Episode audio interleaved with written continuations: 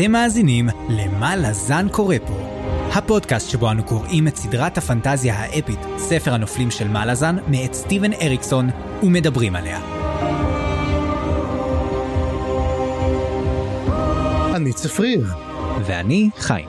והיום פרק מספר 81, שבו אנחנו קוראים את הפרקים 19 ו-20, ונתחיל את החלק הרביעי, הדרך בה לעולם נצעד, בספר אבק החלומות, הספר התשיעי בסדרה.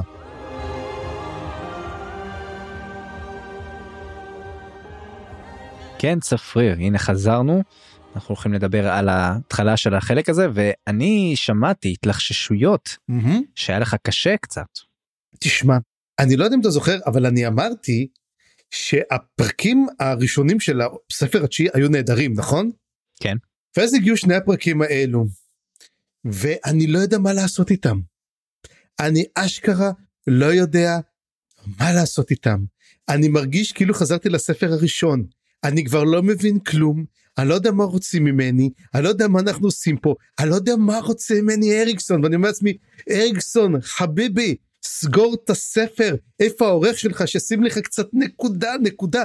עד כדי כך היה לי קשה, אני כבר לא זוכר מה קרה שבוע הקודם. חיים, תעשה לי טובה, תזכיר לי מה קרה. בטח, בטח. אבל אה, סתם שתדע יש אנשים בפייסבוק שעוד טורחים לתקן אותנו ולהסביר לנו איפה אנחנו טועים ואני מאוד מאוד מעריך את זה. אה, ואני אומר שלמה שלמה נשמה אנחנו יודעים שאנחנו לא זוכרים את הדברים האלה. זה בשביל זה אתה שם בשביל להזכיר לנו. באמת המון דברים מאוד בסיסיים שכבר שכחנו. אפילו דברים בספר הקודם זה זה לא זה לא טבעי שאנחנו נזכור אותם אוקיי? אנחנו עובדים על זה קשה. ספר פרק קודם. תשמע תשמעו תשמעו אנחנו אולי חושבים שאנחנו יודעים ומנהלים רשומות אנחנו שני חבר'ה שקוראים את הספרים מה שאנחנו יודעים זה המנטל קפסיטי שלנו אין לנו מעבר. בסדר וצפריר אני אני אזכיר לך קצת מה מה קראנו אוקיי. ייי. בפרקים הקודמים של מה לזן קורה פה. סיימנו את החלק השלישי ולפני שאנחנו צוללים לרביעי בהתרגשות מעולה בחשש אולי כדאי לנצל את ההזדמנות לספירת מלאי קטנה של כל הדמויות שלנו. סמכו עליי זה חשוב לענייני ביטוח. שרשרת הילדים. זוכרים אותם? אלפי ילדים בשיירה והמספרים הולכים וקטנים כי תוקפים אותם מאחורה והם אוכלים אחד את השני. לא חושב שיישארו הרבה בקרוב. דרגהסטים. היו לנו הרבה, בסביבות העשרת אלפים. כמה דמויות מפתח קיבלו סוף טרגי, הרוב נהרגו מסיבות נרוקיות יחד עם צבא ענק מהקרין, שרדו שבט אחד שבחר לא להילחם, כמה ברגהסטים שחברו למלכת בולקנדו, וילדי התן ששרדו בעזרת טוק המתוק. שייקים. היו לנו עשרות אלפי שייקים ופליטים מהאימפריה האלת'רית שהגיעו לקרקנס הארוסה. בדרך לשם איבדו את רוב הוורלוקים, אבל אולי יקבלו בקרוב תגבורת של טיסטה אנדית, נפח אחד וכמה נחתים מטרידים. סילצ'ס רואין וריאד. שני אליינטים חובבי קומזיצים בדרך למשימה חשובה. מספרם נשאר די עקבי בינתיים, אבל אחד מהם החליף את השם. צבא תבורת. הרבה מאוד חיילים מחכים, משתעממים, צועדים, שתים על דוברות, מדברים, חוטפים כאבי ראש, אבל בגדול לא עושים הרבה. בהתחלה איבדו ילד וילדה מוזרים בבית עזה לשעבר, אך הרוויחו מתגייסים חדשים בלת'ר וליווי של צבא לת'רי בהנהגת ברייס. פרישים וקונדרילים. עדיין מחכים לחבור מתישהו לצבא תבורה לפני השממה הגדולה. לפרישים עדיין חסר דסטריאנט אחד. לקונדרילים הולך להתווסף קונדרילון קטן ממשפחה טובה. אלים עתיקים. עם יחסי כוחות משתנים, עולים ויורדים, המספר נשאר די קונסיסטנטי, אלמלא אולאר אתיל אחת ודרקונוס אחד שהתווספו למשחק. משלחת הקצ'יין צ'מל. ארבע קצ'יינים מתים בדרך, שיגל אחד הולך לאיבוד, ושלושת הנותרים עדיין מחפשים דרך לשרוד. ולבסוף, השביעייה הסודית. השבעה הופכים לשמונה, ואז מתחילים להיעלם עד שהופכים לאחד, שאולי הפך למטרונית אחת. זה מאוד מבלבל כל העסק הזה, ואני בטוח שכשאראה לו את החשבון, סוכן הביטוח ישאל אותי אם אני בטוח שאני בסדר, ומה לזן קורה פה. אוקיי, okay, קודם כל המון המון תודה, כי זה עשה המון המון המון סדר. אה, אני מודה, הספר הזה אפילו מושך אותי עד לקצה. אז לפני שאנחנו מתחילים הלאה, וחיים, אני סומך עליך שתעזור לי הרבה מאוד הפרק הזה, חסות אחת קצרה ואנחנו ממשיכים. בחסות קליק בלק. אחרי יום עבודה ארוך, אין כמו משקה שחור וחזק כדי לגרום לך לשכוח מטרדות היום. מעצמך, קרי בלק. מיץ דחלילים טרי, הישר מהשדה. סתם התוכנית לא תחת שום חסות אבל היא כן בתמיכת המאזינות והמאזינים שלנו בפטריון שעוזרים לנו לשפר את הפודקאסט ולפתח עוד רעיונות לפודקאסט הזה ולעתיד. והפעם אנחנו צריכים חיים ואני את השידור בשביל להזכיר תומך ותיק נשגב חשוב ומוערך שרצינו להזכיר אותו לפני הרבה מאוד זמן וסוף סוף השגנו את תגובתו. אושרי רומח היקר המון המון תודה לך על התמיכה המתמדת הפרק הזה מוקדש לך. וכמובן גם תודה רבה לכל המאזינים והמאזינות התומכים והתומכות שלנו שעוזרים לנו תודה תודה רבה. כן צפריר אז יאללה מנשגבים אנחנו עוברים לדרקונים ובוא נדבר קצת על uh, הגעת דרקונוס שהוא כמובן אליינט אבל גם השם שלו אתה יודע דרקונים mm-hmm. um, שהיא מכה בנו גלים כבר כמה זמן ועכשיו אנחנו כבר רואים את זה ממש קורה בין האלים יש פה מין פגישת מטה כזאת נוספת של האלים העתיקים mm-hmm. שדי מבינים ומדברים על מה שאנחנו כבר יודעים שקרה נפילת דרגניפור אה, וכל הדברים האלה מות הוד. ויש לנו בעצם את טרסטס אנחנו מקבלים קצת את ה... הרי איפה שעזבנו אותו עד עכשיו נכון הוא היה במצב קצת נפול כי הוא גילה שהחוקים שלו זממו בלעדיו ואפילו הוא פחות במצב פחות חזק ממה שהוא היה עד כה. אמ, ופתאום אה, הוא מקבל את הדחיפה לעשות אה, חיפוש של האמת לחפש אותה במאחזים. עכשיו אני לא בדיוק הבנתי מה זה אומר אני קיוויתי שאתה תסביר לי מה זה אומר לחפש את האמת במאחזים אבל בעקבות מה שאנחנו רואים בהמשך זה שהוא קצת הולך אולי לחפש מאחזים חדשים כי יש בלאגן עכשיו במשעולים אנחנו יודעים אבל גם במאחזים. אז מה זה אומר בדיוק? אני לא הבנתי. מה שכן אנחנו גם שומעים מין רצון שלו לתקוף עכשיו את אדון החפיסה שבגלל הבלאגן עכשיו בגלל שהמשעולים בפלקס אולי זאת זה הזמן שלו לתקוף לפני שגנואס בעצם יודע מה יקרה. אז uh, זה נחמד לקבל קצת את המאחורי הקלעים של uh, ארסטס פה. כן צריך לזכור גם כן על ארסטס שארסטס הוא במצב הרבה יותר קשה ממה שהוא חושב שהוא זאת אומרת ארסטס הוא הפך להיות מין אתה יודע מהגדול והארנט הופך להיות בת מנקי שדי כולם בועטים בו ודי כולם מתעללים בו ודי כולם אומרים כן אתה יודע הוא, הוא מין הילד בכיתה הטיפולית שאומרים טוב נו ניתן לו לעשות את הדבר הזה אבל הם יודעים שהוא קצת מסוכן אבל בכל מקרה צריך לזכור את נקלס ונקלס הולך איתו סצ'ול לאת' הולך איתו ואנחנו מגלים דבר ראשון. קודם כל סט, אמ, נקלס הוא הבן של קילמנדרוס. זה כבר הבנו בפרק הקודם. אז זו זה אני לא זכרתי את זה. ואנחנו תמיד אמרנו רגע מהי קילמנדרוס האם קילמנדרוס היא זוכר אמרנו ארסל אמרנו זה אז היא גם כן פורקרו לסייל אין מה להגיד. אז אה, זה די סגר פה את ה... אמ, אנחנו יודעים שנקלס פורקרו לסייל זה ללא ספק. כן אני עדיין לא סגור לגבי אה, קילמנדרוס היות והיה את התיאור שלה כמשהו קופי. זה דבר ראשון דבר שני אני לא יודע אם אלים צריכים להיראות כמו ההורים שלהם ובטח אנחנו לא יודעים מי האבא שלו. אה, וגימל אנחנו לא יודעים מי האבא שלו אז אה, לך תדע כאילו איך הדברים האלה עובדים אבל ייתכן שהם שניהם בעלי חזות שונה לחלוטין למרות שהם אב ובן אה, הם ובנה. בדיוק אז מה שכן גם שמדבר איתה אה, מייל והוא מדבר איתה קצת אחר כך אז הוא אומר סצ'וס אז הוא אומר שסצ'ול נמצא יחד איתו כאילו כן הוא בא לעזור לו אז הוא אומר כן הוא נמצא תמיד צעד אחורה למה הוא נמצא צעד אחורה? כדי לתקוע את הסכין בגב. למעשה אף אחד לא סומך עליו והם שולחים את סצ'ול שדי ירגיע אותו ואנחנו לא רק זה אלא מגלים שגם בתכלס אין לו כוח. כן אין באמת אדון למאחזים זאת נקודה חשובה אני חושב. אני רואה שגם אין כבר עשרת אלפים שנה אדון למאחזים. כאילו מה הוא חושב שהוא? הם גם לא באו לישיבה כי הוא קרא להם הם באו פשוט כי זה היה להם נוח. כן. בשיחה הזאת של אגב מהל וקילמנדרוס מתגלים יותר דברים מעניינים וגם זה מעניין לראות את מערכת היחסים ביניהם. הם שניהם בבר, בבירור יותר בשליטה מרסטס ו- וכל השאר שם. זה נראה שהם כן מניעים את הדברים מאחורי הקלעים וקצת מודעים אליהם יותר. והוא מזהיר אותה לא לתקוף את דרקונוס שזה מעניין. וגם שהם אומרים משהו כמו זה צריך אה, אה, הגיע הסוף למשחקים. צריך לפתור את עוולות העבר צריך לטפל באל הנכה שזה גם אה, מעניין שזאת עוד או שזה עוד מין מניע כזה של האלים העתיקים שאנחנו לא מודעים אליו. וגם שארסטס בחר להתמקד עכשיו במאחז המוות שזה מעניין. כי מאחז המוות הרי הוא לא היה כל כך פעיל עד עכשיו נכון? אה, אולי בזמן שהוד היה קיים מאחז המוות היה לא פעיל ועכשיו שאין אהוד אולי הוא מנסה להזיז את הדברים מהצד הזה.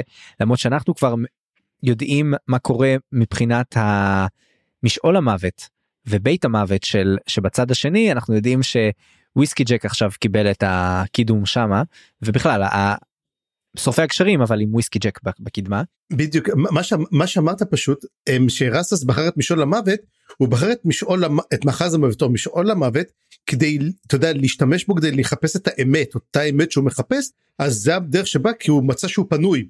כמו שגם אנחנו מדברים כל הזמן על המשעול הג'קרוקו המשעול הקיסרי של קלור הרבה חוזר גם כן הסיפור מה קרה שם אנחנו נדבר גם על רות'ן um, גד ומה הקשר שלו לכל הרוחות לכל הסיפור הזה אז העניין פה שהוא אני כבר רואה בפרקים הבאים את המפגש בין ארנט לבין וויסקי ג'ק. אז זה מפגש שאני מאוד מאוד מחכה לראות אותו עושה כן. את זה אגב עוד דבר אחד ששמת לב גם כתבת את זה שהם מדברים מי הרג בעצם את טרק אומרים דסמברי וזוכר שזאת הייתה אחת התיאוריות העתיקות ביותר שלי שדסמברי זה דסם מול טוב. כן והייתי והייתי ככה שמח איתך ומתרגש איתך אלמלא כבר הגענו לתובנה שצדקת אה, אי שם בספר שמונה אני חושב. באמת? אני לא זוכר את זה. כן לדעתי כן. אפילו את הניצחונות שלנו אנחנו כבר לא זוכרים צפריר. אבל אתה יודע זה, זה חלק מהעניין אני חושב שניצחונות כל כך ריקים כל כך הרבה תיאוריות אלינו. או, או עכשיו אתה מדבר באופן מלזני. ניצחונות ריקים זה זה אפשר לי, לי, בשתי מילים.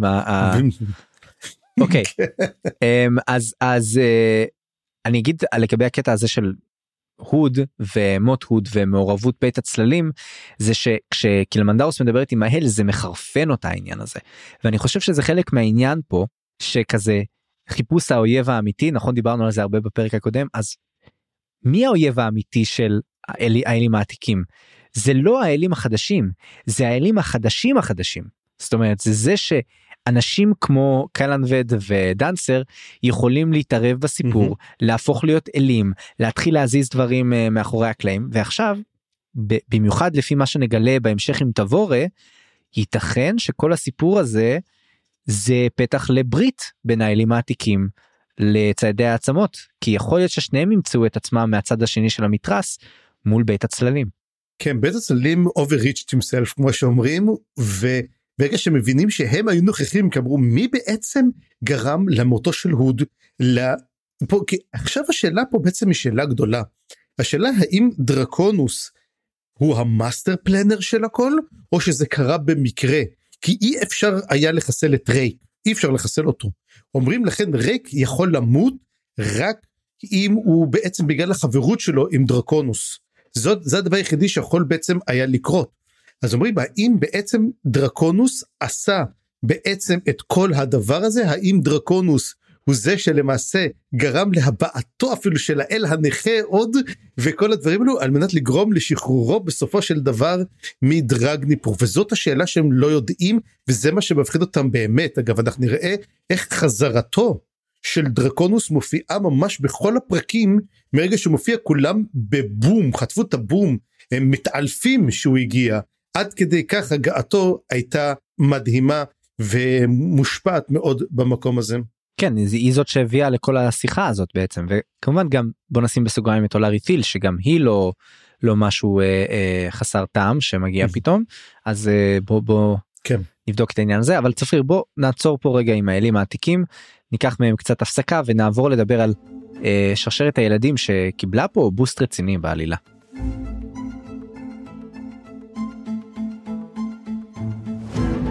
תשמע אם שרשרת הילדים לא היה מובן כבר מהפרולוג, פה זה נהיה עוד כל... אני, אני כבר לא יודע אם אנחנו כבר מכירים את הדמויות או לא, ואני לא מעז להסתכל בוויקי כי אני לא רוצה להרוס לי כלום. אז לכן אני נשאר עם חצי תאוותי בידי. אבל בוא נתחיל בבריידרל. בבריידרל, אם הוא הוזכרה לפני כן או לא, כי אני לא זוכר אותה, כי יש את בדל, ויש בריידרל. כן עכשיו אז אני יכול להיות שעשיתי להם interchanging איפשהו פה. אז יש את בריידרל ואני לא בטוח שהופיע לפני כן. בריידרל בהחלט הופיעה לפני כן אבל היא לא הייתה דמות סופר קריטית ולא סופר חשובה היא לא הייתה דמות בכלל. והגילוי עליה היה מאוד מאוד מוזר ובא משום מקום אה, שהיא בת של פורקרול הסיילים או שהיא הפורקרול הסיילית קטנה בעצמה יפרקו לסייל בעצמה. זה לא לא היה לזה שום הכנה שאני שמתי לב אליה כן היה בינה לבין בדל כבר איזה סוג של אה, תחרות או, או מין כן נרמז איזה סוג של קלאש ביניהם אבל לא יותר מזה.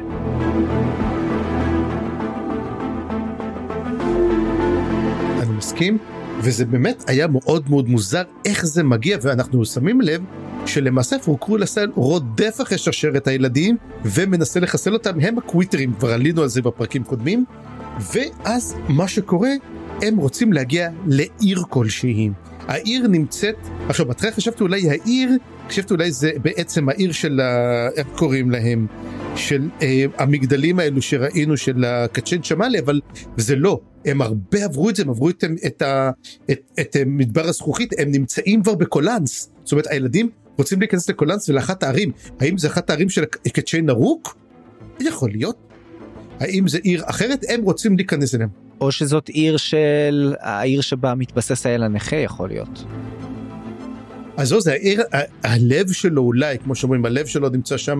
זו שאלה טובה הם רוצים להיכנס לעיר ואומרים אסור להם להיכנס לעיר ואז כל פעם שהם בורחים אומרים מה המצב בעצם המצב הוא ב- מי שבעצם המקור לזה ומי שהציל אותם זאת הלד התינוקת שרט מחזיק ופה הייתה לי תיאוריה לך על זה. מה אם הל מה אם הלד היא כמו קטל. אני רואה המון המון מקבילות לסיפור ולמעשה הלד היא בית עזף Hmm, מעניין. והם בעצם מעבירים אותה לעיר איפה שהיא תוכל להישתל ולהפוך להיות בית עזף חדש. אוקיי. אנחנו ראינו שבית עזס יכול להתגלם בתור בן אדם, בתור תינוקות. ואולי האם בעצם זה המפתח של שער הפורקרול הסייל, האם זה בית עזף? זה משהו כזה, זה בעצם קצת מה שעלה לי בראש, כל הסיפור הזה. זה גם מסביר אולי למה היא לא מתה. הלד כי אנחנו יודעים גם על אה, מה שמה שכחתי זאת שהייתה בית הזת. בדל. לא זאת שהייתה. מי? קטל. קטל נכון אז היא כמו קטל שהייתה סוג של על מתה כזאת אז יכול להיות שגם הלדי על מתה כזאת בדיוק. אוקיי אז אנחנו לא יודעים את זה ואז יש לנו בעצם איזשהו אה, אנחנו רואים את זה בנקודת האחר של הפורקול הסל שרוצה אגב היא בעצם רוצה להרוג כמובן את בדל ואז אנחנו רואים את בדל יחד עם זה שזוכר את השמות לא זוכר איך קוראים לו סוקריס איך קוראים לו אתה זוכר? לא אמ, אתה רואה איפה לא זוכר אותו זה שזוכר את כל הסיפורים שלה היא מספרת לו את הסיפורים והוא זוכר אותו כמו מין ספר מהלך כזה. והיא מדברת איתו ואומרת לו תשמע אני יודעת שבריידרל רוצה להרוג אותנו היא כבר מודעת לזה. זאת אומרת הם כבר מודעים והיא אומרת באמת הלד הוא ההלדי הסוד ורט מוביל אותה.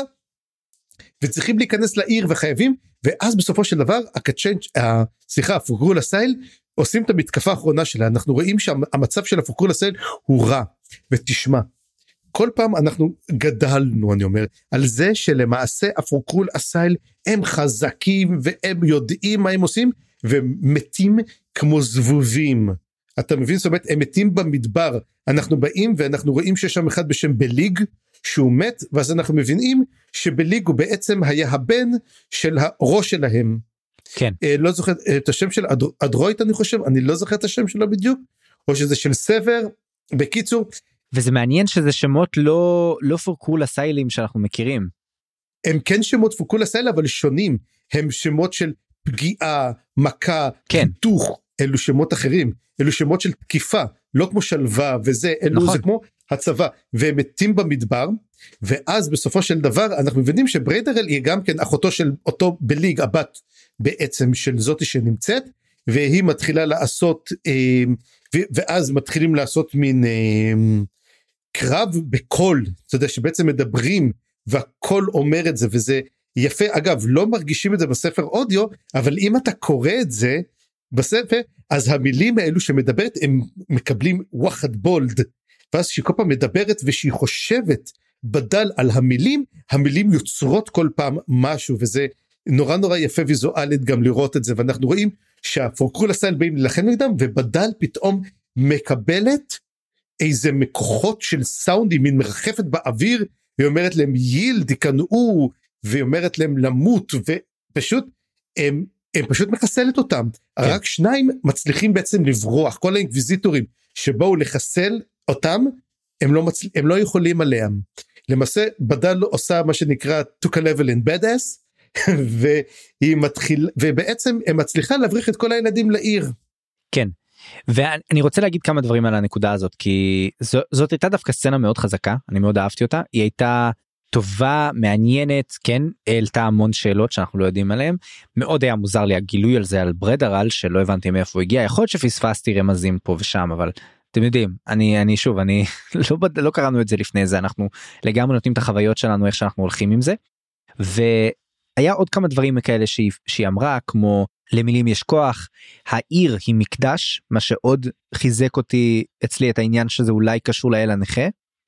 וכשאתה אומר quitters אני פתאום חשבתי על זה שזאת דרך מאוד מעניינת אם הילדים ניסו להגיד inquisitors ויצא להם quitters. כן כאילו יכול להיות שזה זה, זה מה שאני חשבתי גם כן נכון אוקיי אז זה מעניין האמת ללכת אחורה ולראות מה השמות האחרים שהם נתנו ולראות איך יכולנו גם כן להבין אותם. כמה שלא נעשה את זה עכשיו אבל כן.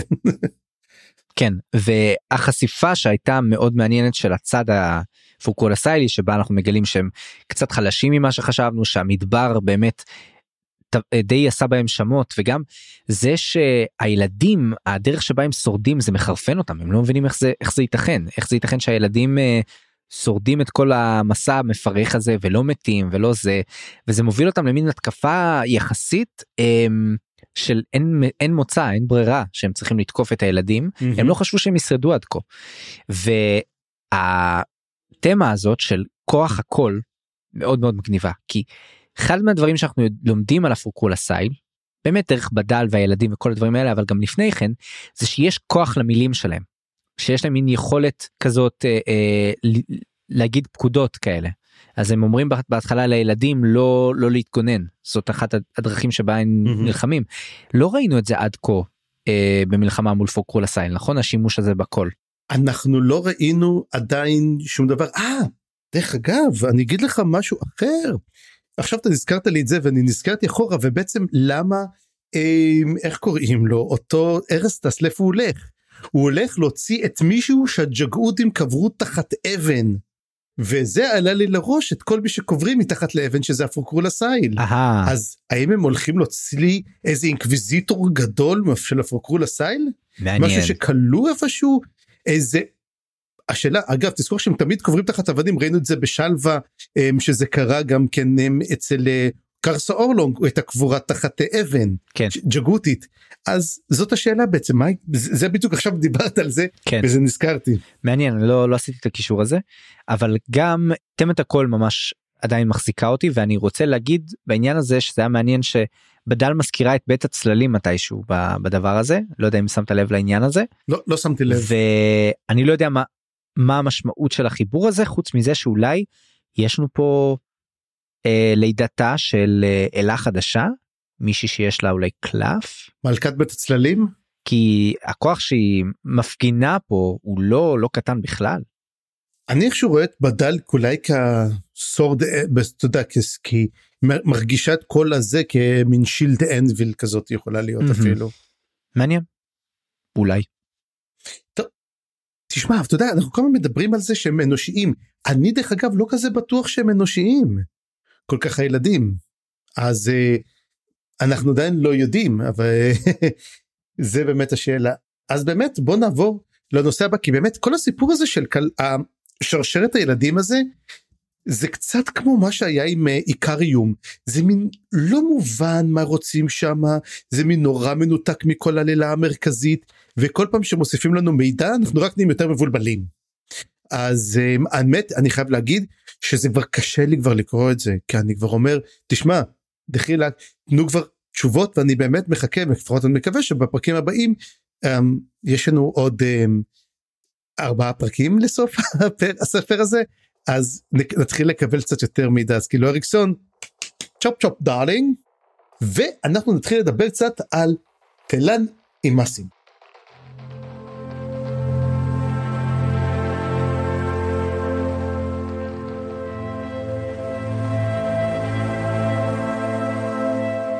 אז דבר ראשון בוא נדבר בעצם על אה, טול.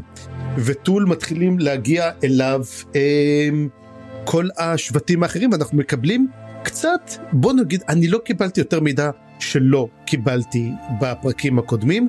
בעצם מדובר בעצם על אה, שני השבטים שזה הברולד וזה האורשיין. אורשיין אנחנו הרבה יותר נחשפנו לאורשיין בפרקים הקודמים פה בעצם לברולד ובעצם בוא נגיד שכבר עשית באמת רשימה שאומנם יש 612 אורשיינים אבל יש 2712 ברולדים שזה וואחד הצבא. וזה מספרים מאוד מדויקים הסוכן ביטוח שלי מאוד ישמח בעניין הזה. לגמרי אני בטוח אתה יודע זה האסט שלך והם מדברים בעצם על הנושא הזה למה הם מי הם בעצם ולמה הם לא הגיעו לסילבר פוקס הרי סילבר פוקס היא קראה לכולם וכולם הגיעו חוץ מאלה שתקועים באסייל. מתברר שהם לא חלק מהטקס שלמעשה סילבר פוקס הפכה להיות השתלטה עליו בתלן כי הם לא עשו את הטקס הזה דרך תלן. זה לא הטקס של אולר אתיל זה טקס שהם ניסו לעשות אותו בדיעבד זה אלו שעשו את הטקס עם קילבה ולאחר מכן ניסו להצטרף ולא עשו את זה נכון.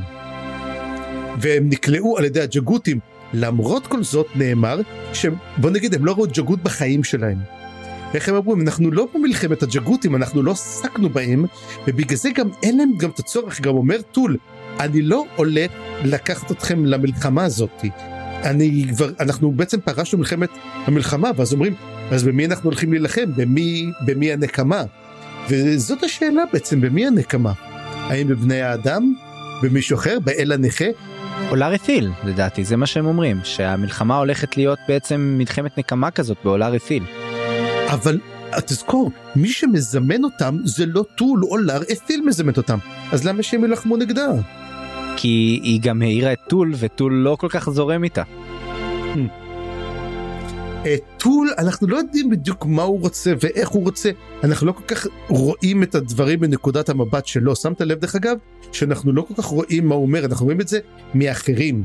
טול הופך להיות צד שלישי. אנחנו ראינו אותו הרבה כשהוא היה חי עכשיו שהוא הפך להיות מן החרב הראשונה, אין לנו נקוד, אנחנו לא יודעים את המחשבות שלו.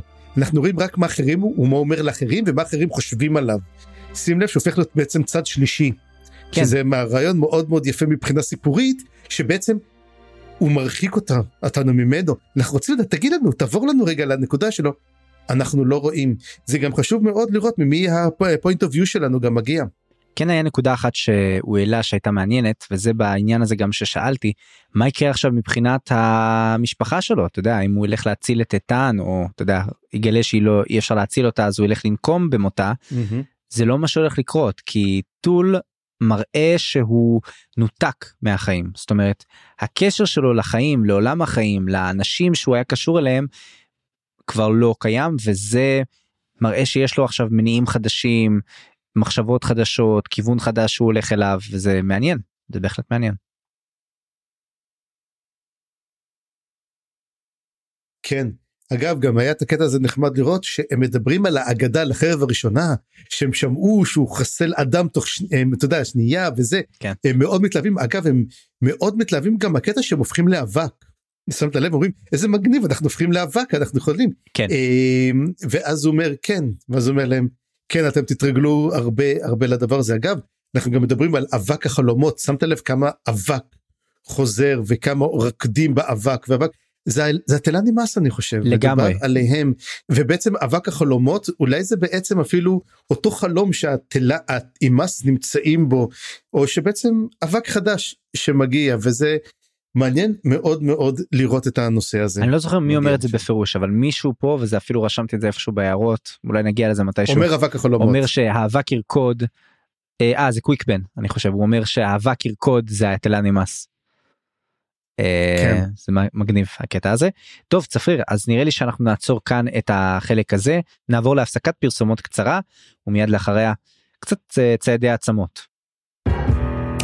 אבא, אמא לא מרגישה טוב. מה קרה? זה הזיהום, והגופות שבנהר. אי אפשר להמשיך לחיות בלת'רס. זה בלתי אפשרי לחיות ככה. אבל מה נעשה? אנחנו משועבדים, יש לנו חובות עד חמישה דורות קדימה. האם תמיד חלמתם על בית פרטי? על צאן ומרעה משלכם? היום זה אפשרי, אפילו אם אתם משועבדים. הזדמנויות חדשות מחכות לכם באזורים החדשים של האימפריה. כל מה שצריך לעשות הוא לפנות לנציג האימפריה המקומי ולבקש מעבר לדרין. דרין, ארץ החלומות החדשה. אדמה פורייה, צאן ובקר ככל שתרצו, ושטח נקי ובריא. האימפריה האלת'רית אינה אחראית לפשיטות של שבט העול, הקצ'רה ושל מחרחרי ריב מטעם קנוניית בלקנדו. שטחים יחולקו עד גמר המלאי, כפוף לתקנון. טוב תודה שחזרתם אלינו אנחנו עוברים לציידי העצמות. טוב אז ספיר אני הבנתי ממך שהיה לך קשה הקטע הזה של ציידי העצמות מהמם. אני חייב לומר שדווקא היה יחסית ממש מעניין. זה היה קצת לא ממוקד היו שם הרבה נקודות קטנות ופתאום אבל זה מרגיש שמשהו שם קורה מתחיל לקרות. זה בהחלט לקח לנו זמן עד שהגענו לפה אבל עכשיו אני מרגיש שזה מתחיל להיות פי אוף קטן ונראה לאיפה זה יתקדם עוד אבל אנחנו תקועים בנקודה הזאת כבר הרבה מאוד זמן של מה תבורי רוצה מה הולך למה הדמויות אה, למה הלת'רים הצטרפו מה זה אומר לגבי הצבא מה זה אומר יחסית ל... אתה יודע העלילות הגדולות והארקים הגדולים שאנחנו מדברים עליהם מהמם. אז זה לא שקיבלנו פה תשובות אבל כן מתחיל לקרות משהו בכיוון הזה וזה נורא נורא מספק. אני חייב להגיד שאני הגעתי עם גישה אחרת של מין כלום לא קורה אני ממש מתנצל שאני אומר את זה אבל אני הרגשתי שלא קורה כלום בפרקים האלו שקראנו במיוחד עם ה... עם זה אז בגלל זה אני שמח מאוד שאתה לוקח את הנושא הזה בוא ת, תעיר לי כי אני לא מצליח אוקיי. לראות את זה. אז דבר ראשון בוא נדבר על האקטואליה. אקטואליה חזרתו של דרקונוס כל מה שקרה בספר השמיני בסוף אה, מתחיל להכות גלים כל הקוסמים המלזנים שוכבים במיטה עם כאבי ראש עם בחילות עם בלגנים כולם incapacitated אוקיי? אז זה טוב שהם לא נלחמים באף אחד כי אחרת הם היו עכשיו בצרות אני חושב. וזה מכה גם בכל שאר הקוסמים גם על אתרים אבל אצלם זה קצת מתפרש אחרת ובכל מקרה את כל זה אנחנו רואים דרך גם קוויקבן ובוטל איך שהם מדברים ארניקט אנחנו מקבלים הרבה מהזווית שלה ואנחנו מקבלים גם את פידלר שנמצא ב- גם באיזשהו מצב גרוע ופידלר אנחנו יודעים הרי הוא לא קוסם אבל יש לו יכולות בהחלט בהחלט קסומות.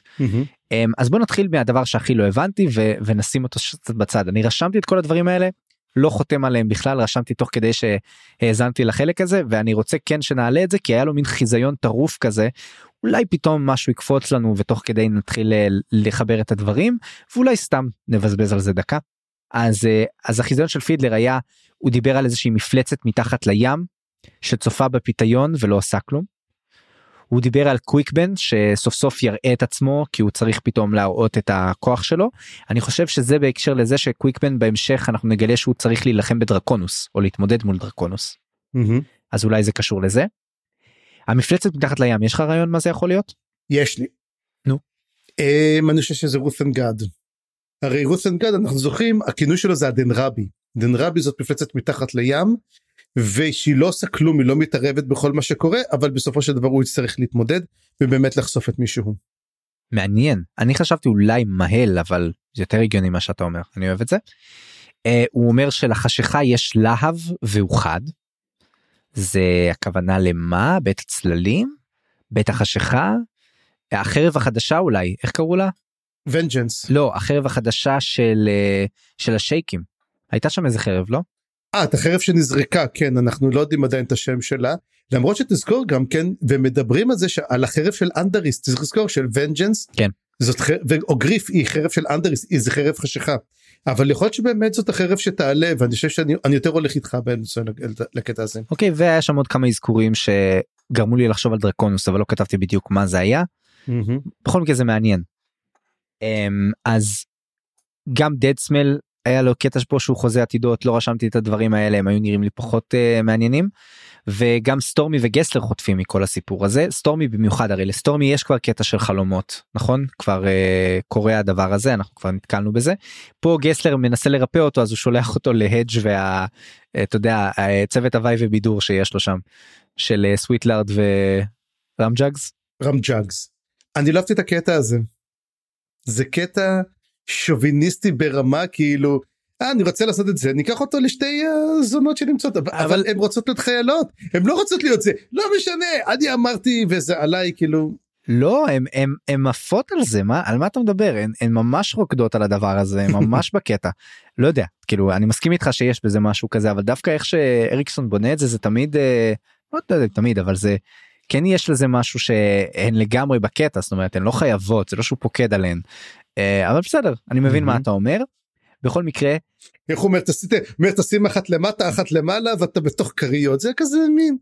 אה לא יודע הרגשתי היה לי cringe היה לי וואחד cringe בכל כן הסיפור אני, אני אוקיי? לא יודע הצבא המלזני וה banter שלו כבר לא עושה לי cringe ב- בשלבים האלה אני מרגיש שזה חלק מזה.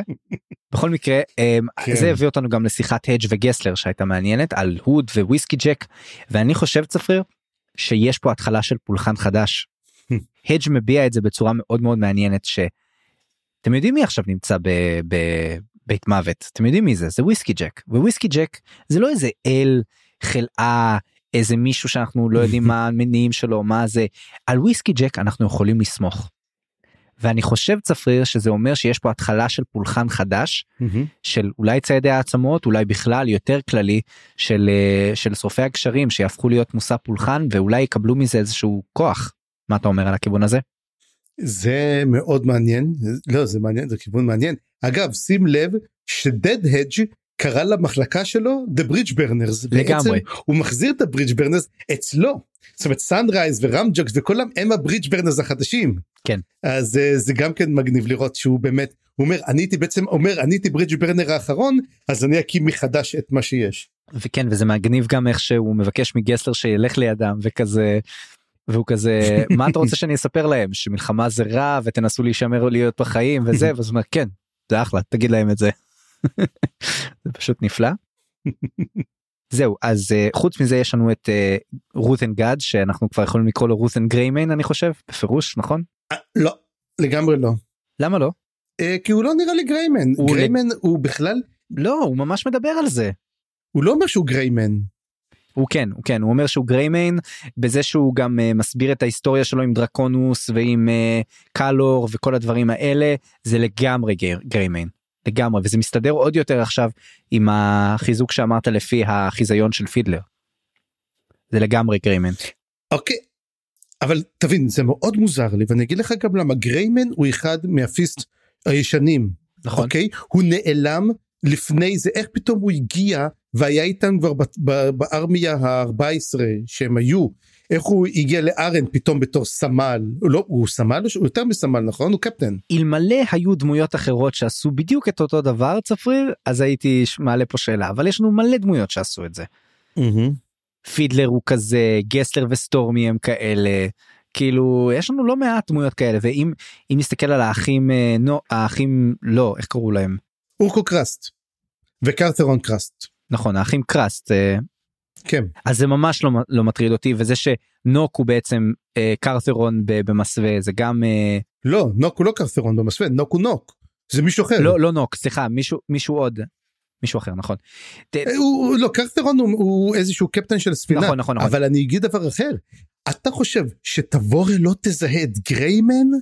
אתה רוצה להגיד לי שפידלר לא יזהה אותו זה אנשים שיזהו אותו אז איך פתאום אנחנו לא יודעים ועוד דבר מה פתאום אנחנו מקבלים אותו רק בספר הזה איפה היה כל הספרים הקודמים אני מבין מה אתה אומר אבל כאילו אני לא יודע עוד מה התפקיד שלו יהיה בעלילה פה אבל זה בהחלט תשמע הוא הגיע תראה אוקיי אם הוא גריימן זה הרביל הכי גרוע שהיה מקבל. אמ, לא כזה חזק אבל אבל בוא בוא נראה עוד לאיפה זה יתקדם. אה, לא קיבלנו מספיק הסברים אבל אתה יודע כן. זה אחד מהדברים האלה שאני אומר זאת הזדמנות שאסלמון תכתוב על זה ספר מתישהו והכל יהיה בסדר. כן אבל בוא נדבר רגע באמת על, על, על, על, על אותו רוסן גד. אמ, אנחנו רואים שהוא מכיר את קלור הם הלכו לבדוק את ג'קרוקו תשמע זה לא משהו גריימן הוא מהמל, מהמלזני זה מישהו הרבה יותר עתיק. נכון בעצם אתה, אה, אתה זה, צודק לכן זה הקטע שהכי לא הבנתי אותו. אז זו זה הוא מדבר עם דרקונוס זאת אומרת אנחנו צריכים להבין שזה מישהו אולי זה אב האור אפילו לך תדע מ- לא מכזאת יודע. כמות של עתיקות אז אני בזאת באמת שאלה אני לא חושב שהוא גריימן הוא כן היה כמובן בכל הנושא הזה הוא כן הכיר אותו אבל אני לא חושב שזה הוא זה מישהו הרבה יותר עתיק אה, ואני חושב שעדיין אנחנו לא קיבלנו למעשה את התשובות האחרונות. אנחנו אני מאמין אבל עד סוף הספר אנחנו נקבל תשובה למי מי זה הבן אדם. הגיוני. אוקיי ובוא נמשיך לדבר על uh, עוד דמויות שחוטפות פה את הסיפור הזה של הכאב ראש הזה וזה ארניקט וארניקט היא הופכת להיות לאט לאט אחת מהדמויות החביבות עליי פה בספר הזה. אני מאוד אוהב את הכיוון הזה של, ה, של הדמות.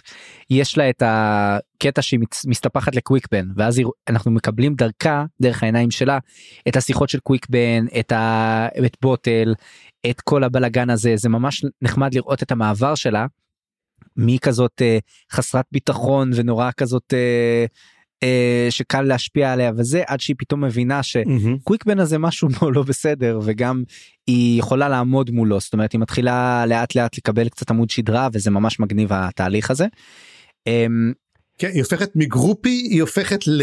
אגב שים לב שהיא ממש גרופי של כולם שלו של ברייס של כאילו כולם ולאט לאט אבל היא מבינה ש...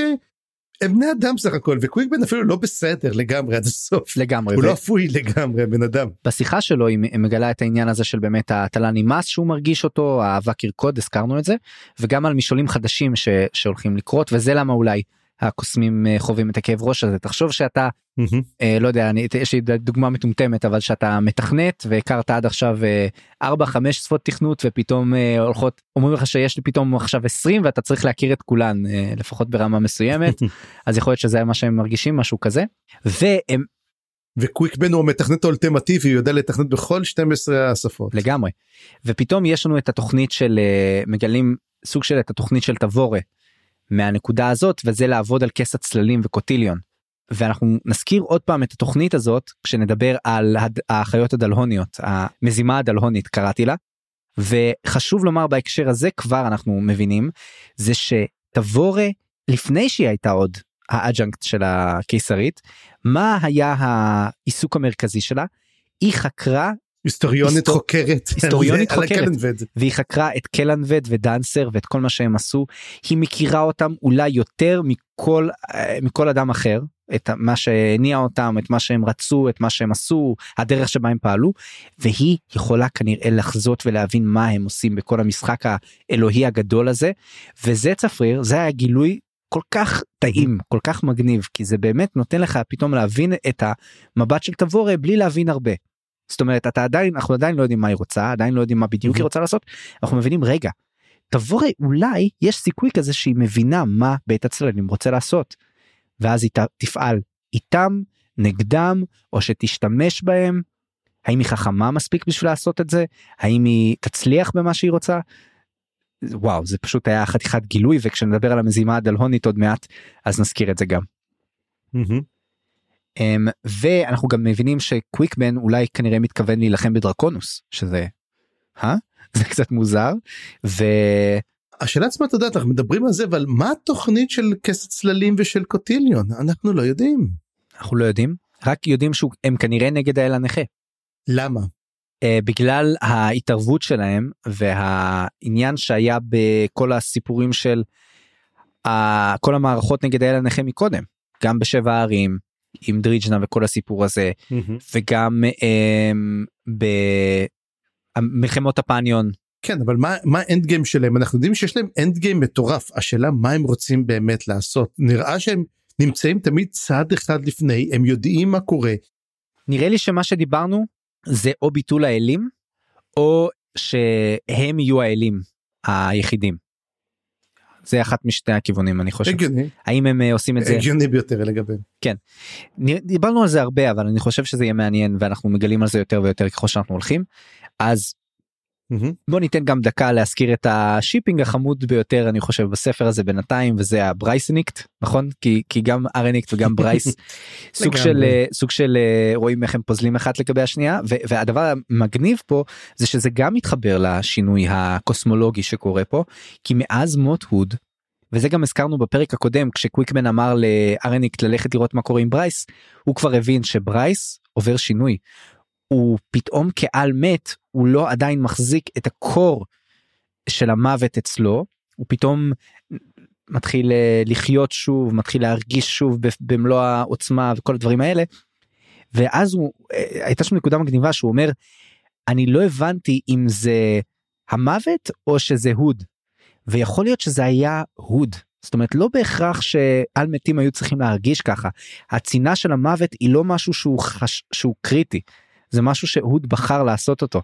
אז זה מעניין לראות את העניין הזה. ומעניין לראות את הדבר הזה קורה עור וגידים אולי יקרה עם זה משהו בהמשך. יכול להיות שעכשיו כל העל מתים עכשיו שהם יהיו בשליטה של um, שורפי הגשרים יהיה קצת אחרת. אולי, אולי העולם יהיה טוב יותר ואולי זה, זה גם כן אחד הדברים שהם באו לעשות. ואולי אגב אפשר להסתכל אולי uh, יהיה שינוי כלשהו גם עם uh, משמע זאתי הקפטנית. שורקלל. שורקלל אולי. איפה היא באמת נעלמה? היא לקחה את הנסיכה לקולנס לא או לשממה. לא היא לקחה את זה לבלקנדו לקחה אותה לבולקנדו אנחנו כן. מדברים דרך אגב על בכל הקטע של גל אנחנו מדברים על זה שבאמת איפה הבת שלי גם כן היא מדברת עליה כן, כן, אותה היא מדברת על הבת שלה כן.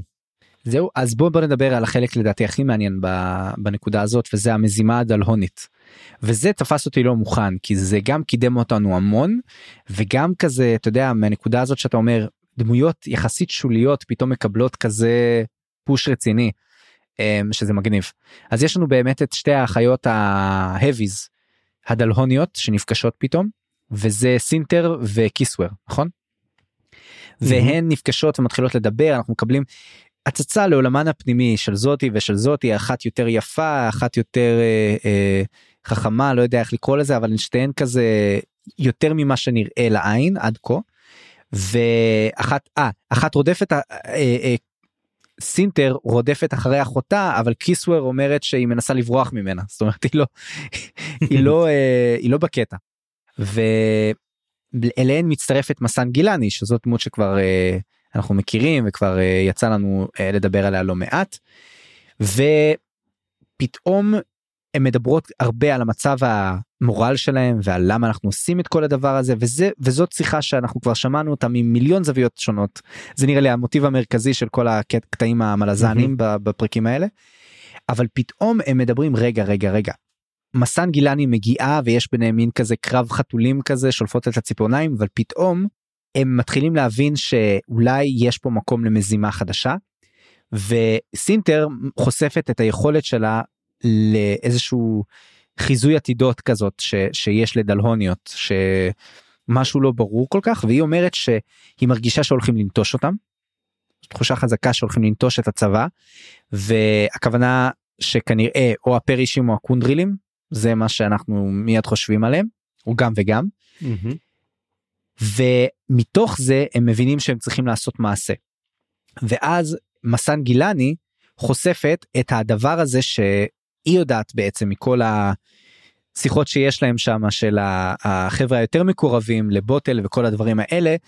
היא יודעת כמה דברים שהן לא יודעות והיא מדברת על זה שהולכים להרוס את השלשלאות ולשחרר את האל הנכה.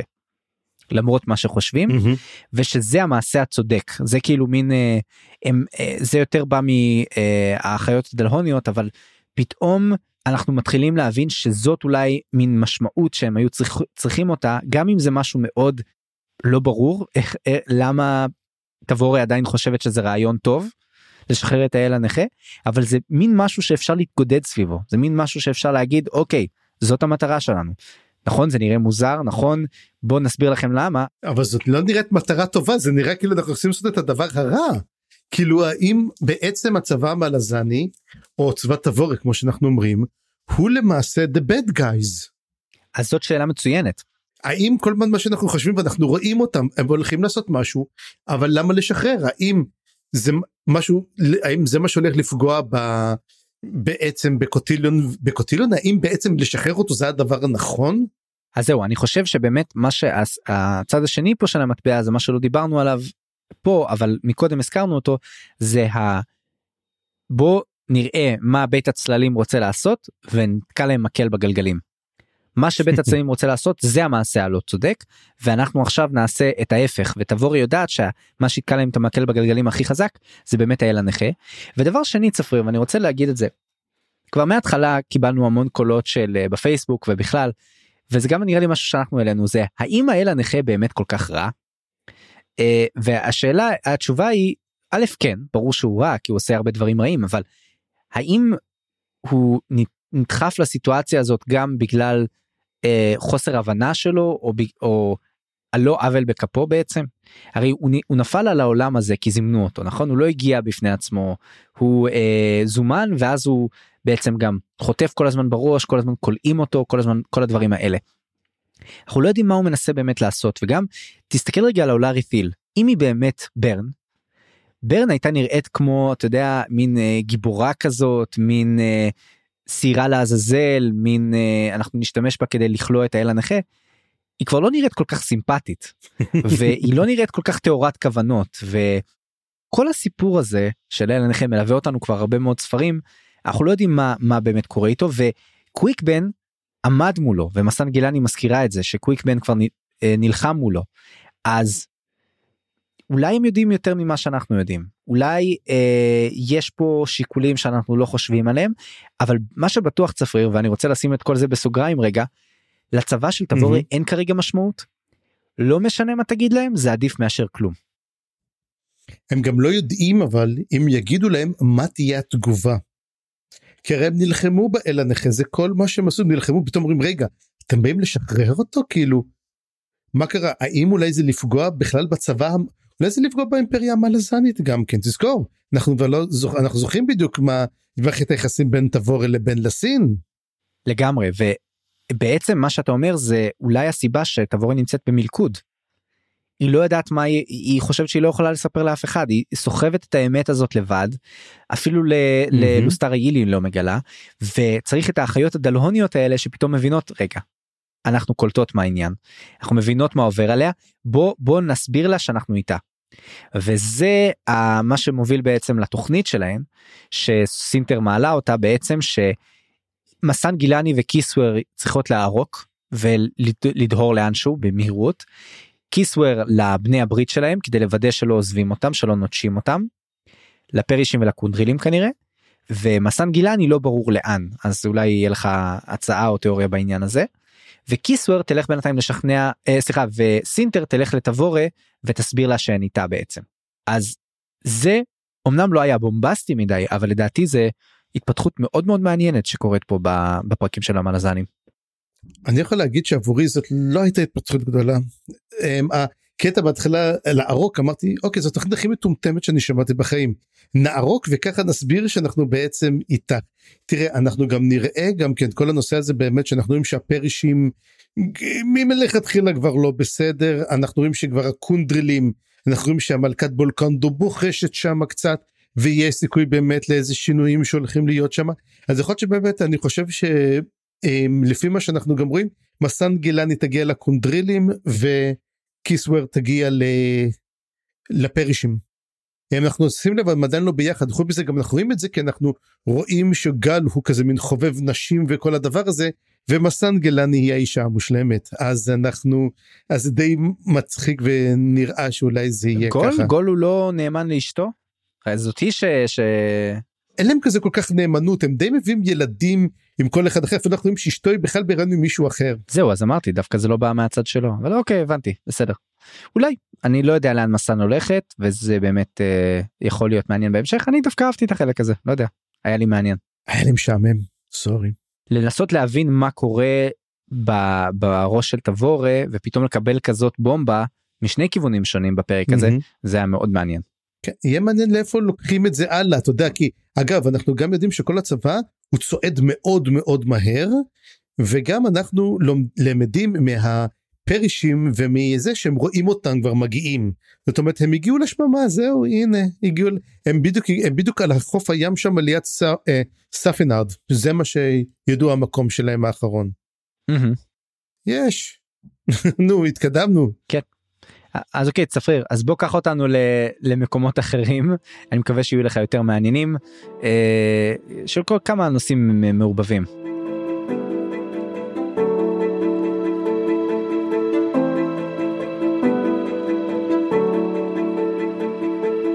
כן אז זהו זה באמת אני גם צריך את העזרה שלך בהם כי אני קראתי אותם אמרתי לא לא לא לא מבין אבל בסדר. אחד מהם הדבר ראשון אנחנו באמת מקבלים את האישור ל- למה שחשבנו שזה נכון בפרק קודם ואכן הוא נכון מאוד שהטריגלים הגיעו ואז אנחנו רואים שבעצם הם הגיעו בסופו של דבר ל- ליבשת, ליבשת לת'ר, אבל המצב שלהם לא טוב. הכרכרה שלהם התרסקה לגמרי, הסוסים שלהם הלכו, מי שהיחידי שנזכר זה רק הקרטוגרפר שרד שמה, ומי שפוגשים אותו זה סטוק, והילדים שפוגשים אותו, והוא כמובן יודע הרבה שפות, אז הוא מתחיל לדבר למרות שהוא לא יודע איפה הוא נמצא. הם מתחילים לחפש איפה נמצאים ומוצאים את הטריגלים ששרדו. בהתחלה זה היה לי נורא מוזר, אמרתי, מה, גם מפו מת, גם גרנטל, גם כולם לא, מתברר שהדמויות שחוסלו זה הקוסם שלהם, חוסל הראש של הטריגלים, Master קוול Master קוול, הוא, הוא מת. מעבר לזה, אבל בעצם כולם קיימים, אז אנחנו, אה, יש שלוש תקופות שלושה מתו אבל קוול זאת חתיכת אבדה כי כי הם לא יכולים עכשיו לחזור. כן. מה שכן, גם אני חושב שאולי גם כן Precious Thimble אולי גם כן מתה, אני לא בטוח, הוא אחד מאלו שרדפו אחריה, הם מדברים שם על זה גם כן. לא Precious Thimble לא מתה זה האחים בול כאילו הגנו עליה לדעתי. אוקיי, הנה אתה רואה כבר כמה אכפת לי כבר מהטריגלים, אז אתה מבין עד כמה אני גם כן. כן לא זה לא היה לך נחמד לא היה לך מעניין. לא. אך, ומה שכן, הם מגיעים ומתאחדים איתם, הם מגיעים ופוגשים אותם, ואז רואים את אה, גרנטל, והוא באמת אומר לה שהיא, הוא אומר לה שסטוק היא ה Destriant של טוג ופנדריי. וראינו כבר שיש לה את הקטע עם הזאבים, אז זה די מובן. זה די מובן אבל זה עדיין היה מעניין כי פספסנו את זה קצת. האמת, לא, לא, לא, לא, לא, אנחנו חשבנו שהיא שו- שילד אנביל, זה לא, לא, לא, לאו דווקא דסטריאנט. אוקיי אוקיי אפילו אנחנו חשבנו דרך אגב ש... אבל כן, ראינו את זה, ואז בעצם באמת מה שדיברת, עם האחים בול שמגינים על פרשת תימבל, ופה אנחנו מגיעים למעשה, הם מדברים ואנחנו רואים שגרנטל, כאילו, יש את גרנטל והילדים מתלהבים ממנו, גם הילד הקטן של, אה, איך קוראים לו, של, אה, של טול, אה, של נוסטולן, מאוד מתלהב ממנו, מגרנטל, ומעניין לראות בעצם את המערכת היחסים האלו, ואז בעצם אתה כתבת פה משהו שאני לא שמתי לב לזה ששיגל גורול מחפש את איקריו? כן כי בעצם קודם כל אנחנו יודעים ששיגל גורול הוא זה שתקף אותם. אה, זה אנחנו יודעים בוודאות ועוד כן, לפני זה נכון. שזה זה כבר התחלתי לכתוב את זה כתיאוריה עד שזה כבר אה, התברר. השאלה למה אה, שיגל גורול שם ואחת התיאוריות באמת שמה פה חושב על זה שאולי שיגל גורול מחפש את איקריום אני לא יודע אם זה נכון אבל זה מה שמה פה חושב על הנקודה הזאת ב- ב- מהזווית ראייה שלו שאנחנו יודעים שמה פה רוצה להתאחד עם איקריום זה למה הוא הגיע לשם בכלל. כן, אגב תחשוב על זה כזה דבר, בוא נדבר על זה של מה בעצם התפקיד של שיגל ולמה שולחים, למה המטרונית שולחת את שיגל, הרי אנחנו יודעים ששיגל לא אמור להיות, אתה יודע, אסור לו לצאת מתוך השלושה. אז למה זה קורה? אולי בעצם כדי להרוג את המטרונית החדשה שרוצה להגיע, סלאש איקריום. אז זאת הסיבה שבעצם היא שלחה את שיגל, אבל תזכור שהם לא, הם, אח, כל בוא נגיד גם גונתמך וגם סג צ'ורוק, לא מזהים אותו, הם חושבים ששג... שגורול מת. זוכר, הם אמרו שהוא נעלם והם לא, הם כבר לא איבדו מצליחים ליצור הם- איתו קשר. הם איבדו אותו. עכשיו, הם לא, יודע, הם לא יודעים איפה הוא אבל זה לא מה- שהוא מת. אז זו, זה, הם חושבים שהוא מת, הם אפילו סגצ'ורק אומר הוא די מת, אבל מה אם אני אגיד לך, אני אתן לך רעיון אחר, מה אם הם שיגל הוא נקשר למטרונית ודרך המטרונית הם בעצם מקבלים את היכולת לראות מה קורה עם איקריום כשהוא מתיישב על זה הוא לוקד את שיגל, גור, את שיגל גורול אליו הוא כרגע השיגל שלו הוא בונה לעצמו בעצם את כל הדבר הזה ולכן הם לא מזהים אותו. מעניין כי כשמה פה אומר הוא מחפש את איקריום לא ברור בשביל מה או שהוא רוצה לתקוף את איקריום או רוצה להתאחד עם איקריום. אה, אולי הוא מרגיש את איקריום הולך בדיוק. להשתלט כן שאלה מעניינת ותיאוריה מהמם. מעניינת. והנה ופה כתוב המילה וזו המילה שאני הכי אוהב פה וקוראים לה תיאוריה תיאוריה של חיים אז חיים. כן. תיאוריה. לא חשבתי פתאום צפריר הרי זה לא סתם שסטוק והילדים הגיעו לפה. כי הרי הילדים האלה יש להם דם דרוג'יסטני. הבנות של התאומים מהמם. של איתן הם גם הבנות של קראפ. וזה לא סתם שהם נפגשים עכשיו עם הטריגלים נכון. כי יכול להיות שהטריגלים יחזירו אותם לאבא. אה, ומה עם הילד הקטן? בסדר גם הוא הצטרף מה. היה מאוד ל- נחמד גם אגב לראות את האינטראקציה שלו עם גרנטל שכזה כל ה... אה, כל ה... אתה יודע הקשר שלו עם אה, עם אה, הילד ההוא אה, הבן של אה, משמע אני כבר שוכח את כל השמות מהספר הקודם זה ממש כזה אתה יודע אנחנו זה זה סצנה קטנה אבל זה ממש מזכיר מזכיר לנו את הספר הקודם ואנחנו כבר יודעים למה זה רומז. סטוני מנקיס. כן אז הבן שלה מה איך איך קראו לו? נו היה לנו אה, על השם הזה שמת. זה שמת, על זה שמת. כן נתן לו את השם על זה שמת, החבר שלהם. הנטל, בנטל, גנטל, משהו כזה. לא יודע ובכל מקרה אבל זה זה ממש היה נחמד לראות את זה. אחר כך נפתח איזה פרק קודם. אז כן אז אולי אולי זאת לא התיאוריה הכי ספר, ספר אחד. כן אולי זאת לא התיאוריה הכי זה אבל לא, זה אחלה תיאוריה. אגב, אני גם אגיד לך, סטו כי זאתי שאחר כך הולכת להצטרף לטריגלים ולקחת אותם בכלל. Mm, אה מגניב מגניב ועכשיו תחשוב שלטריגלים יהיו גם זאבים שיגנו עליהם בכל מקום שהם נוסעים. כן ובוא בוא נזכיר גם את העניין הזה של האחים בול שמעיפים פה שיגל גורול עם אגרופים. אתה ציפית לדבר כזה? לא. זה זה אומר לנו אה, הרבה וגם מעלה המון שאלות כאילו וואי האחים האלה למשפחת בול איזה מקום מפחיד זה מוט וודס איך איך ה- איך המלזנים הצליחו לנצח שם לא ברור לי עדיין. הם לא בדיוק הצליחו, הם די עזבו את המקום והמשיכו הלאה. הם לא כל כך אה, ניצחו אותם. אז אולי בגלל זה. כן. אה, אוקיי, ואנחנו נעבור באמת על עוד שני דבר, על עוד שלושה דברים אחרונים, אחד מהם סילצ'סרון וריאד, והוא כבר לא רוד אלל, יש לו כבר שם, ריאד ידי האש. ובעצם, בוא אני אגיד לך משהו, זה מין, אני לא מבין לאיפה הולך כל מערכת היחסים הזאת, כזה, הוא מין מאמן אותו, הוא מדבר איתם הרבה מאוד על פילוסופיה, ופוגשים כמובן את טורנט ואולרת'יל. ואז בדיוק הם מדברים, היא מנסה לסכסך. אני לא, את, אתה מבין לאיפה אני הולך? יש פה המון דיבורים על פילוסופיות. כן אבל זה לא חדש זה קורה לנו הרבה. זה נכון, אבל זה לא מעניין. כי, הוא, כי מה שקורה, אריקסון, יש לו באמת איזה שניים שלושה דברים שהוא רוצה להעביר והוא מעביר אותם. פה הוא מנסה להעביר לך איזה 20-30 רעיונות. אה, יש גבול למה שבן אדם מסוגל לקבל, you know. זה כן מעניין כי זה מתחבר פה הסיפור הזה של הגנה התקפה. אה, עם הרבה מאוד מה, מהנושאים שאנחנו מדברים עליהם ובמיוחד פה שאנחנו נראה עם אולארי פיל יהיה הרבה מהאלמנט הזה של האם, האם היא הולכת לתקוף אותם האם הם הולכים לתקוף אותה מי חזק יותר ממי זה זה כן עולה שם בצורה אה, חזקה וגם בכלל לאיפה סילצ'ה סווין לוקח את ריאד עכשיו אה, זה גם לא ברור מה מה הם מתכננים לעשות אולי כל ה... כל ה... אני חושב שהוא לוקח אותו לקרקנס. אני כמעט בטוח שהוא לוקח אותו לקרקנס. אוקיי אה, מה שכן, אבל אנחנו מקבלים שקרדל וטלורס רודפים אחרי אולרת'יל. אהה. כן נכון אמרנו שיש שתי אלנטים. כי אומר לה, אומר התאומות אליינט רודפות אחרייך, ו, אה, והוא אומר לה זה סילצ'סרון, התאומות לא אומר מי, אבל זה כנראה ק- אה, טלורס וק- וקרדל כנראה. אה יפה אני אני לא חשבתי על זה. יפה. אה, לי זה די ברור. אני בטוח טועה, אבל לי זה די ברור. לא דווקא נשמע לי שאתה צודק. אז זהו זה, ואז אה, בעצם כתבת משהו על הכאפה של טורנט, אני רוצה שתסביר לי באמת, מה זה הכאפה של טורנט? אה כן רגע לפני זה גם רציתי להזכיר לגבי אולארי פיל שלמה רון בפייסבוק אמר כן. נקודה מעניינת הוא אמר כל הדברים האלה שאתם התבחבשתם עליהם מה אולארי פיל ווואו זה נשמע שהיא עושה המון דברים ושהיא הייתה בהמון ד...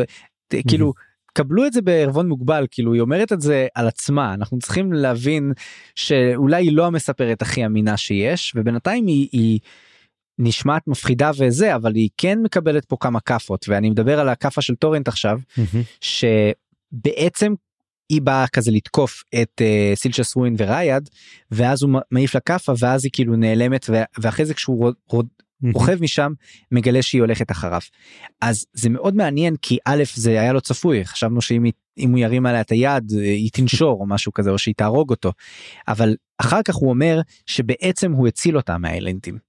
כי אם היא הייתה באמת נלחמת עכשיו בהם היא הייתה מפסידה ובמיוחד צריך להבין שסילצ'ה סווין וריאד מאזן הכוחות שלהם מתחיל להתערער פה. די ברור שריאד הוא היותר חזק מסילצ'ה סווין. והיא די ניצלה בזה שטורנט התערב פה ווואלה זה היה מגניב לראות את טורנט מקבל פתאום עמוד שדרה והופך להיות אה, דמות קצת יותר מעניינת כי עד עכשיו הוא די אה, כלי עלילתי קצת הוא, הוא, הוא צופה בדברים הוא עד של דברים. כן. אני, האמת היא, בגלל זה אני גם אומר, אני, תראה, אני, אני, איך תמיד, אני תמיד מקבל את התגית של ה hater וכל הדבר הזה, אז אני לא אומר את זה שזה אני hater, אבל אני אומר שזה מין, אתה יודע, זה מין, או כל מיני איזה 70 עלילות משנה שאף אחד לא מתרכזת לכלום, וטורנט הוא לא דמות אהובה עליי, אתה יודע, הוא מופיע, הוא הולך פה הולך שם פתאום מוריד כאפה כזה מין זה בא out of the blue אה, תשמע היה שיא בכל הנושא הזה של כל עם מה, מה שקרה עם הברגהסטים ואנחנו אחרי שיא ווואו וקשה להשוות בעצם את מה שקורה היה אפילו צריך לסגור את הספר עם הקטע הזה אתה יודע את זה? כן אבל שאולי טיפ טיפה נראה נראה לאיפה החלק הזה מתקדם כי דווקא אחרים. אם ניקח את זה כבאמת אחרי שיא כלשהו אז כן יש לנו סוג של build up מחדש. הבעיה שחלק מה מהמם. חצי מהספר בערך היה build up בכל מקרה עד השיא הקודם אז צריך לראות אה, אם זה מצדיק את עצמו אבל זה נראה לקראת סוף הספר וכמובן גם בספר הבא כי זה סוג של אה, arc של שני ספרים גם צריך לזכור. זה ספר אחד כן. אז עוז אז בוא באמת נדבר על הפרישים ועל הקונדרלים ואנחנו רואים שבעצם הם עדיין לא נפגשים הפרישים אנחנו רואים אותם מצד אחד הפ... הקונדרלים בצד אחר יחד עם הבלקנדו? הם כן נפגשים. בסוף הם כבר ממש באותו חדר ביחד זאת אומרת באותו אוהל. אה, אוקיי. בסוף כן אז מה שקורה מה שקורה הם מתחילים לדבר ואנחנו רואים בעצם שקרוגאבה וטנקליאן הם הם ממש לא לא ביחד. זאת אומרת כל הזמן טנקליאן אומר לה נו מתי את הולכת לתת לנו כבר Shield Anvil הם, זאת אומרת Mortal אה, Destriant. הוא היה Destriant מי שמת. כן הוא אומר מה עם Destriant חדש הוא אומר לו לא היא אומרת אני לא רוצה לעשות את אותה טעות כמו שבחרתי אותך כאילו והוא כזה וואי וואי וואי כאילו אה, אני מבין אוקיי לא נעלבתי לא נגיד שנעלבתי נעלבתי אבל לא אגיד שנעלבתי והוא לאט לאט כבר מתחיל להבין הוא אתה יודע מתחיל אתה יודע מה שנקרא fester within him הוא מתחיל להירקב כל הרצון הזה הוא כבר הוא די אתה יודע אני לא רואה אותם ממשיכים הרבה זמן ביחד בוא נגיד שזה לא ייגמר טוב המצב ביניהם. וזה מדהים לראות זה כי הפרשים עד אז עכשיו ראינו אותם ככוח אתה יודע לפני הספר הזה ושאנחנו רואים אותם הם מאוד מאוד מאוד רבים עם עצמם והוא אתה יודע הוא גם כן אתה יודע אני לא אני חושב שהוא יעשה משהו לקרוקבה אני כמעט בטוח. כן זה נראה שזה מתקדם לכיוון של קלאש ביניהם אה, אם הוא אגב יעשה איזושהי הפיכה או משהו כזה ייתכן שזאת תהיה הנקודה שגם יישבר הקשר בינם לבין המלזנים למרות שבעצם אני אם אני חושב על זה עמוק הדסטריאנט הדבר האחרון שהוא אמר לו זה בעצם אנחנו הלכנו עם הבן אדם הלא נכון אז אולי זה הפוך אולי מהמם. קוגהבה תשמיד אותו ואז היא ואז היא בעצם תפנה מהמלזנים או שהוא יספר לה ברגע האחרון מה שה Destriant אמר לו וזה מה שיגרום לה בעצם לפנות מהמר... מהמלזנים. אנחנו עדיין לא יודעים למה Destriant נמס תזכור שהוא לא מת מוות רגיל. כן. אז אנחנו עדיין לא יודעים גם כן מה הולך שמה. רגע אני רוצה רגע רגע רגע רגע הם אלים הם של הם של מי הם של פנדרי נכון טוג ופנדרי כן. אז יש לנו כבר Destriant חדש סטוק כן. זה בדיוק אה, אחד מהנקודות גם שאנחנו כנראה כבר יש Destriant וזה שהיא נמנעת אולי זה כי היא מרגישה שיש Destriant או כי אנחנו לא יודעים אולי הם יתאחדו כן. אולי הם לא יתאחדו. אה, אולי זה אומר שהם הולכים למות. אגב אגב שנייה עוד שאלה הרי אנחנו יודעים שטוג ופנדרי היה להם כמה כתות בבת אחת היה את הקסדות האפורות היה את החרבות האפורות אבל לכל אחד מהם היה מהמם. Destriant ו Shield Anvil ו Mortal Sword לא? נכון כן. זאת אומרת לא בהכרח שזה אקסקלוסיבי. א' אנחנו לא יודעים כי ברגע שהיה אותם בוא נגיד את מה שאיטקוביאן וכל החבר'ה האחרים מה, הם לא היו באותה תקופה של הפריש. יכול להיות שאחר שהם מתו הם קמו האם היו כמה כתות בבת אחת? אולי אנחנו לא סגורים על הנושא הזה ועל לוחות הזמנים. ואז בעצם אנחנו באמת הם, אנחנו רואים בעצם את כל הנושא הזה שהם עושים שם שיחות ואנחנו מגלים שהמלכה הם, היא מאוד מאוד רוצה לדעת מידע על המלזנים היא ממש סוחטת מהם מידע. הם, אז השאלה גם כן האם זה כחלק בעצם תקיפה של הבולקנדו האם הבולקנדו הם, מנסים לשנות את הקונדרילים ולעשות את זה גם כן מה שאנחנו מתחילים לראות את הבגידה שאנחנו מתחילים לחשוב עליה. דווקא היה מעניין לראות אצל המלכה דווקא שהיא כן מנסה להבין מה מה מאזן הכוחות החדש ומה הם רוצים שם בשממה הזאת ובקולנס מה יש להם לחפש שם. בקיצור היא כל הזמן השאלות הנאמנות שלה ומה היא מוכנה לעשות או לא מוכנה לעשות כל הזמן מהדהד שם. וגם היה נקודה מעניינת פה על תנקליאן שאני אה, מיד תפסה אותי מהמם. זה שהוא במונולוג פנימי כזה נותן בדיוק את, את, את הנאום של תבורי לגבי אין עדים רק שאצלו כן. שאנחנו הולכים למקום שבו כל הדברים שנעשה לא יראו אותם ולא ידעו שאנחנו עשינו את זה אבל בעצם זה הדבר הנכון לעשות משהו כזה. אז הוא נותן את אותו דבר אבל אצלו זה מרגיש אתה יודע אה, אה, קשוח וניהיליסטי כזה ו, ו, ורע וזה היה מאוד מעניין לראות ממש אחד לאחד את אותו נאום אבל הפעם הוא משמש כמשהו מחליש וציני וקיצור זה מאוד מעניין. נאום חיילים אנונימיים אני קורא לזה. כן. וזה מעניין כי זה מראה לך גם כן אולי איך האנשים בצבא של תבור הם מרגישים לגבי זה חלק באמת אומרים אנחנו עושים את הדבר הנכון ולא מעניין אותנו קרדיט פידלר אבל יש כאלה שאומרים למה אנחנו לא מקבלים קרדיט? אולי אנחנו לא עושים את הדבר הנכון. מה אנחנו בכלל עושים? וזאת בעצם השאלה. ואז אנחנו מגיעים בעצם לאיזה קטע זה הקטע שגם סיים את הפרק 20 שעל אשתו של גל שיוצאת היא בהיריון מתקדם והיא מדברת ומדברות שם איזה נשים צעירות הן עושות איזה משולש כזה ומדברות ולא הבנתי מה הם רוצים ממני. אז חיים אתה הבנת מה, מה הם רצו לעשות עם השיחה הזאת ובעצם באמת אנחנו רואים שיש איזה פגישה עם גל וקרוגאבה והם באוהל וספאקס אני לא זוכר מי זה ספאקס מי זה ספאקס. כן, האמת שספאקס גם תפס אותי לא מוכן אני כבר אה, זה נראה לי האותו ברגהסט שהצטרף לבולקנדו לאברסטל. לבולקנדו אוקיי אז כן זה לא היה מובן מי הוא זה והוא מדבר והוא כזה חמוד הוא דמות חמודה כזאת שמצטרפת אבל כן. כזה מין כל הקטע של הנבט מה היא מדברת ואומרים שזה ילד השביעי שלה ומדברים על חוכמת הנשים אהבתי את הקטע הזה של חוכמת הנשים אבל תסביר לי. כן לא קיבלתי משהו יותר כללי כן קיבלתי קטע שכתוב טוב ובאמת בגלל היחסים שלה עם גול שכבר דיברנו עליהם שהם מאוד מעניינים אז זה כן היה לי מעניין mm-hmm. אבל לא קיבלתי את ההקשר הרחב יותר אלא אם כן כמובן. אתה יודע כמו שאתה אוהב להגיד אה, יכול להיות שגול הולך למות אה, אז אה, בכל מקרה נראה לי שעד כאן ויש לנו נושא קטן טן טן טן טן לקראת הסוף לקינוח. כן והקטע הכי לא מובן והקטע הכי מוזר הוא בללה פונג ודרקונוס אני בכלל לא זכרתי לאיפה בללה פונג הלך. אמרו לו לך תחפש נכון ואז הוא הלך ומצא את דרקונוס בוא נתחיל שיחסית לזה שבהתחלה הוא כבר היה אמור להצטרף לשור כלל לספינה וזה לא קרה אז נכון משם הוא התגלגל הוא פספס את הספינה נכון הוא התגלגל לקבר של אה, אברת הזקן ושם הוא קיבל את, ה, mm-hmm. את הלוט החדש שהפך אותו נתן לו ציוד של אה, פלוס mm-hmm. 500 לנגד קוסמים ודרקונים או מה שזה לא יהיה.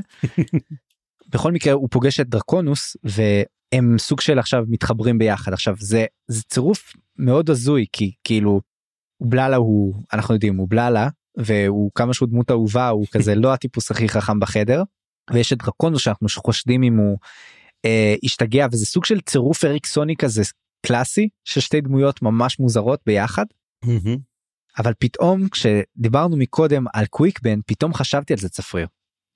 מה היכולות של השריון וה, והציוד של אובללה עכשיו? נגד קוסמים. זה לא פתאום אה, מאיר את זה באור אחר שהם נפגשים עכשיו? זה יהיה מעניין למרות שדרך אגב היה מצחיק שאובללה אומר שהוא אוהב שקוראים לו נושא החרב הזאת וזהו כזה הוא אוהב להיות גיבור כזה אבל הוא כזה מין כן זאת שאלה בעצם מה יקרה עם שניהם ובעצם למה דרקונוס או למה הם הולכים נגד דרקונוס האם דרקונוס לא הולך איתם בלעדיהם תשמע אני חייב אני חייב להגיד לך מה לזן קורה פה? אני כבר לא הבנתי מה קורה. שני פרקים. Hmm. אני לא הבנתי אותם היה לי נורא קשה בהם. אני כבר אומר יאללה אתה חנקת אותי אריקסון תן לגמור כבר את זה. ויש לנו באמת עוד שני פרקים עד סיום העונה זאת אומרת ארבעה פרקים לקרוא. ואנחנו וואו אני כבר רואה את הסוף אתה יודע את זה. כן ואני מקווה שבפרקים הבאים יהיה קצת יותר ברור. האמת שגם לי היה קצת uh, בלאגן בראש הפעם אבל מקווה שכן. אה, קצת דברים אה, הפכו להיות יותר בהירים והאמת שתוך כדי השיחה בינינו כן הבנתי קצת יותר טוב כן. אז אה, זהו מקווה שאת הדברים שפספסנו תזכירו לנו ותספרו לנו מה טעינו ומה אנחנו צריכים אה, לדעת ושלא הבנו עד כה אה, וזהו. בלי ספוילרים אבל כמובן חבר'ה. כמובן בלי ספוילרים. וזהו לטאטה. בפעם הבאה נקרא את הפרקים 21 ו-22 ונמשיך את הנתיב בו לעולם נצעד. החלק הרביעי בספר אבק החלומות, הספר התשיעי בסדרה. אני חיים גורוב גלברט. אני צפיר גרוסמן. בואו לערוץ הדיסקורד שלנו, נחמד שם. ונשמח אם תדרגו אותנו באפליקציית הפודקאסטים שבה האזנתם לנו. ואם בא לכם לתמוך במה שאנחנו עושים, אפשר לעשות את דרך פטריון, יש מלא דרגות תמיכה ותשורות מגניבות, פרטים בתיאור הפרק. עריכה וסאונד חיים גורוב גלברט.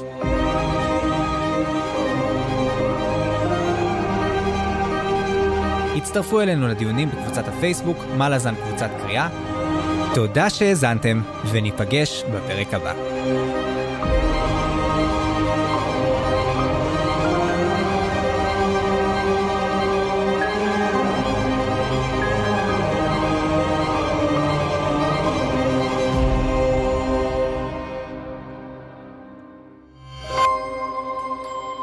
היזיון, הסכתים פנטסטיים.